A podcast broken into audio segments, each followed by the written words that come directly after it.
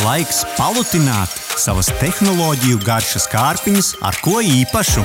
Saimniek, vienmaz gadžetiņu! Varētu teikt, ka vietpulkstenis jau mūsdienās ir kļuvis par eh, cilvēka labāko draugu. Bieži vien tas pat ir biežāk ar mums kopā nekā vietālurunis, ko mēs dažkārt kaut kur atstājam. Pielietojumi ir dažādi. Dažādi parametri no mūsu ķermeņa, ko tas mēra, sportošana, saziņas līdzeklis, pat izklaides kompanions. Šo plašo spektru cenšas nosegt uh, Huawei Watch eh, GT3 Pro ar savu izskatu, darbību un ievērojamu bat baterijas ilgumu. Taču kā ir dzīvē, vai tiešām tas spēj atspēkot visas expectācijas. Par to pastāstīsim šodienas apskatā. Protams, jāpiebilst, ka pulksteni neatmaksātam un neatkarīgam apskatam uz testa laiku mums piešķīra Huawei Technologies Latvijā. Jā, Arti, nu kā tad ar šo pulksteni, kāds atšķiras no pārējiem pulksteņiem? Jo mums šis nav pirmais pulkstenis, ko mēs testējam. Labs jautājums. Labs jautājums. Tas mums arī šeit priekšā ir studijā. Sveiciens visiem tiem, kas mūs skatās arī YouTube platformā, pēc tam ierakstā. Tu varēsi arī redzēt šo pulksteni, kā tas izskatās. Nu, pavisam tieši atbildot uz tavu jautājumu, salīdzinot ar iepriekšējo GT Pro 2 versiju, nu, tur ir viss standarta slavas dziesmas, ko var dziedāt, ko dara visas savās reklāmās. Lielāka baterija, labāks ekrāns, lielāka atmiņa un tā tālāk. Un tā tālāk bet tas jau ir man šķiet, ka stāsts, ko stāsta jebkurš ražotājs tajā brīdī, kad tam ir jauns produkts, būtu savādi, ja tā nebūtu. Bet uh, kopumā es teiktu, ja mēs skatāmies nu, tā tīri vispārīgi, es uzreiz varu ielikt jau vienu plusiņu mm, šim pulkstenim, ka tas izskatās daudz vairāk kā pulkstenis, ja tas, mm -hmm. uh, ja tas skan saprātīgi. Jo Vai daudz klasiskais pulkstenis. Klasiskais pulkstenis. Ja Paldies tev, jo, tiešām atgādina. Jo patiešām, jā, ir, tu pamanot pulksteni, tu uzreiz vari pateikt, ka tas ir vietpulkstenis. Tam var vai nu citādāka forma, kā piemēram Apple Watch, kas ir uh, kantains, uh, tiem ir uh, kaut kādas uh, interesantas siksniņas, gaismiņas un citādāk vizuāli elementi, bet šis pulkstenis, un neskaidro to, ka pats ekrāns ir melns, kas uzreiz nodod to, ka tas ir uh, vietpulkstenis tajā brīdī, kad tas ir izslēdzies, tas izskatās kā pulkstenis. Apaļš, konkrēti mums bija tāda, es teiktu, jau šikāka versija ar dzelzs posmoto siksniņu, līdz ar to man pat, ja skatos uz tādu praktisko pielietojumu, es šo ar prieku valkātu, piemēram, oficiālos pasākumos vai, vai, vai svinīgos brīžos pie uzvalka. Patiešām tas nelec ārā un nepasaka to, ka tu esi kaislīgākais sportotājs, kuram patiešām vajag pulksteni. Metālisks korpus, teiktu, ka pulkstenis arī pasmagāks kopā ar metālisko šo siksniņu, kas ir, nu, protams, tāds psiholoģisks, mānisks, mānīgs efekts, ja kaut kas ir smags, ir tāds sajūta, ka tas ir kvalitatīvāks. Bet, nu jā, pogas labajā pusē, es teiktu, ka praktiski un pielietojami ir podziņa un ir skāriņu jutīgs ekrāns. Tātad var arī ziemā kaut ko operēt ar pogām, ja ir cimda virsū. Uh, un, uh, jā, kopumā es teiktu, tas ir tas pirmais, kas uh, atšķir pulksteni no citiem. Varbūt viņš pats ar to dizainu izceļas nedaudz savā kategorijā. Bet, ja mēs skatāmies uz darbību, tad ekrāns patīkami krāsains, kas ir būtiski piebilst, jo šim patiešām ir pilnvērtīgi krāsains ekrāns, ūdens izturīgs, protams, dušu baseins, laivbrauciens tā nav problēma. Bet, ja jau mēs paskatāmies uz tādām, nu, kā to nosaukt, Rihards, lifestyle, dzīves, dzīves aspektiem, dzīves stila. dzīves stila aspektiem, ko tas uzlabo, un, protams, šeit ir visi sensori, kur ir pulkstenī. Skābekļa līmenis asinīs, sirds ritma mērītājs, miega izsekošana, viss, kas ir tādā standarta jau modernā pulkstenī, šeit ir iekšā. Tas, kur varētu ielikt mīnusu, bet šis ir mīnus kā Huawei, tā Samsung, tā Apple un citiem, vēl joprojām mēs dzīvojam tajā laikā, kur tas datus ievāc, bet kurš pārāk maz dod tev atpakaļ atgriezenisko saiti. Protams, šis pulkstenis, piemēram, tev saka, laiku pa laikam ir jāpieceļās. Gan jau arī ūdens dzeršana var uzlikt atgādinājumu un tā tālāk, bet man joprojām no šiem draugiem, kas mums ir uz rokas, prasās kaut kas vairāk, lai tie iedod mums vairāk, lai man nav jāiet un jāgooglē un jāskatās, ko nozīmē, piemēram, skābekļa līmenis asinīs. Nu, skaidrs, ka jo zemāks līmenis, jo sliktāk veidiniet telpas, ejiet pastaigāties un tā tālāk, bet man gribētos, lai tas pulkstenis jau man to visu saka priekšā un varbūt pat pasaka, kā to labāk izdarīt. Jā, nu, protams, augsti profesionāliem rezultātiem eksperti joprojām iesaka izmantot profesionālus aparātus. Un klausītāji varbūt atceraties, mums ar Arti jau digitālās brokastīs bija raidījums jā. par šo. Noteikti ir vērts pameklēt arhīvā. pameklēt arhīvā. Ja mēs skatāmies uz vēl kādiem sensoriem, protams, GPS tas ir būtiski, jo cilvēkiem patīk, ka ir precīzas līnijas kartē iezīmētas, nevis kaut kādas taisnas līnijas, kur pulkstenis ir, ir nokļūdījies un pēc tam algoritms ir iztaisnojis un mēģinājis mākslīgi šo noskriet to ceļu, piemēram, um, kaut kādā veidā attēlot šeit, salīdzinot uh, konkrēti ikdienā ar uh, Apple Watch 7. Es teiktu, ka uh, GPS ir līmenī, uh, plus mīnus rezultāti tādi paši. Protams, profesionāli ierīci ir profesionāli ierīci, bet vismaz tā salīdzinot ar konkurentiem, GPS ir līmenī, par to var neuztraukties. Arī tā skaitā, piemēram, skrienot mežā vai, vai starp daudz tām mājām, kur signāls varētu būt sliktāks. Un par GPS runājot, tāda maza praktiska nianse, kas ir forši, uh, ko var izmantot arī, piemēram, vasarā ogojot vai seņojot.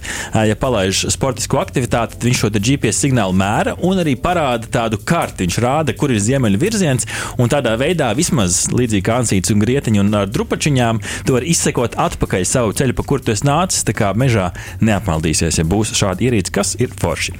Bet būtiski nianses ir sportošana, Rihard. Un šeit uh, Huawei pārspēja visus vienā konkrētā aspektā, kas ir workout, jeb uh, dažādie sporta veidi. Un šeit es izgāju cauri un izrakstīju tādus pāris interesantākos, kas bieži vien nav atrodami pie konkurentiem. Nu, piemēram, Rihards lekšana ar lecamauklu.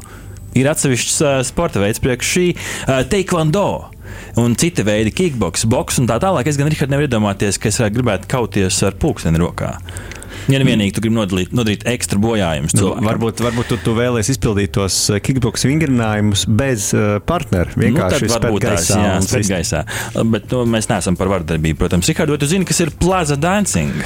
Nav nejausmas. Tā, ka tu dejo placī ar cilvēkiem un skan mūzika. Arī šo tas pulkstenis mēra. Makšķerēšana. Nu, tā vai pulkstenis pieskaita arī klāt tos šķidrās kalorijas, ko makšķernieks uzņem, bet nu laikam jau nē, tur vairāk attālums, sirdsdarbība un tā tālāk tālāk. Uh, Izplatina lēkšana, Džuranamo, jā, lecam no, no, no lidmašīnas arī šeit pulkstenis kaut ko mēra.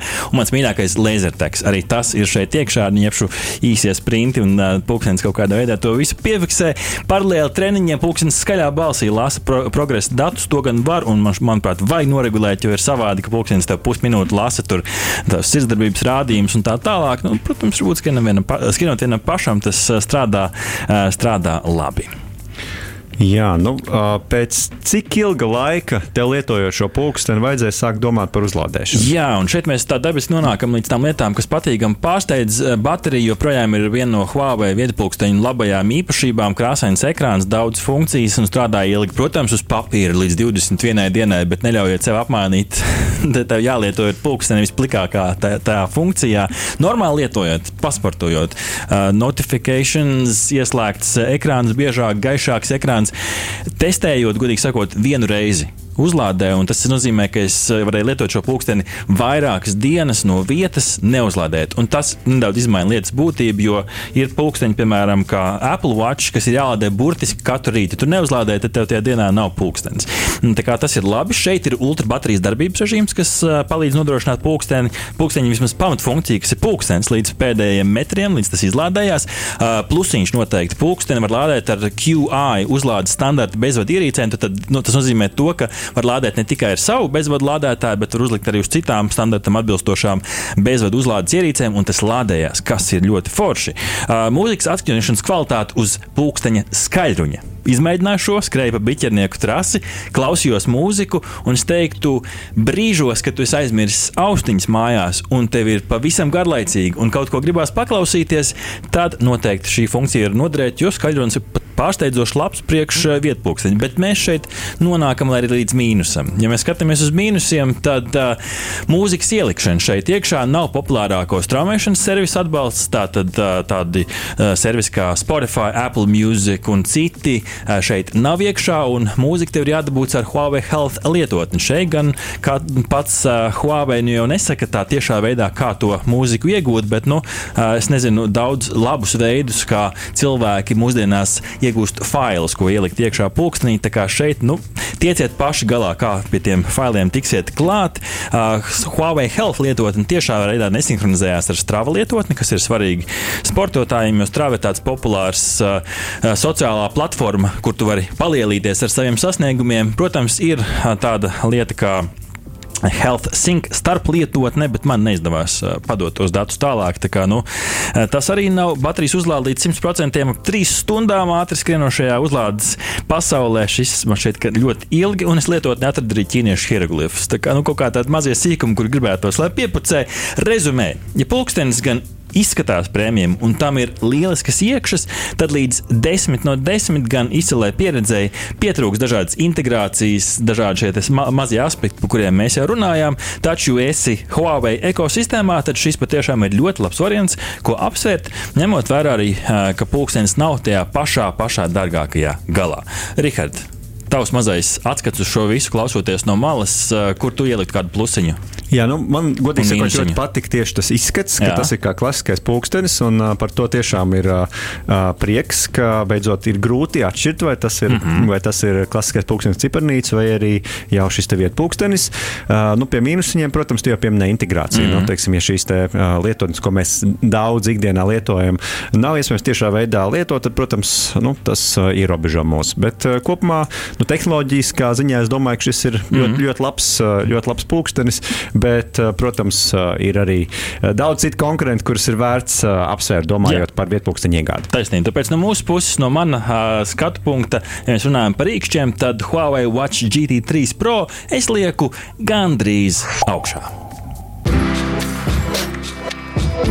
Aha! Paldies, ka noklausījāties mūsu līdz galam! Ja patika, uzspiediet laiku, atstājiet komentāru vai padalieties ar draugiem. Un nobaudiet arī citas epizodes, kā arī sekot mums, lai nepalaistu garām savu ikdienas tehnoloģiju ziņu devumu.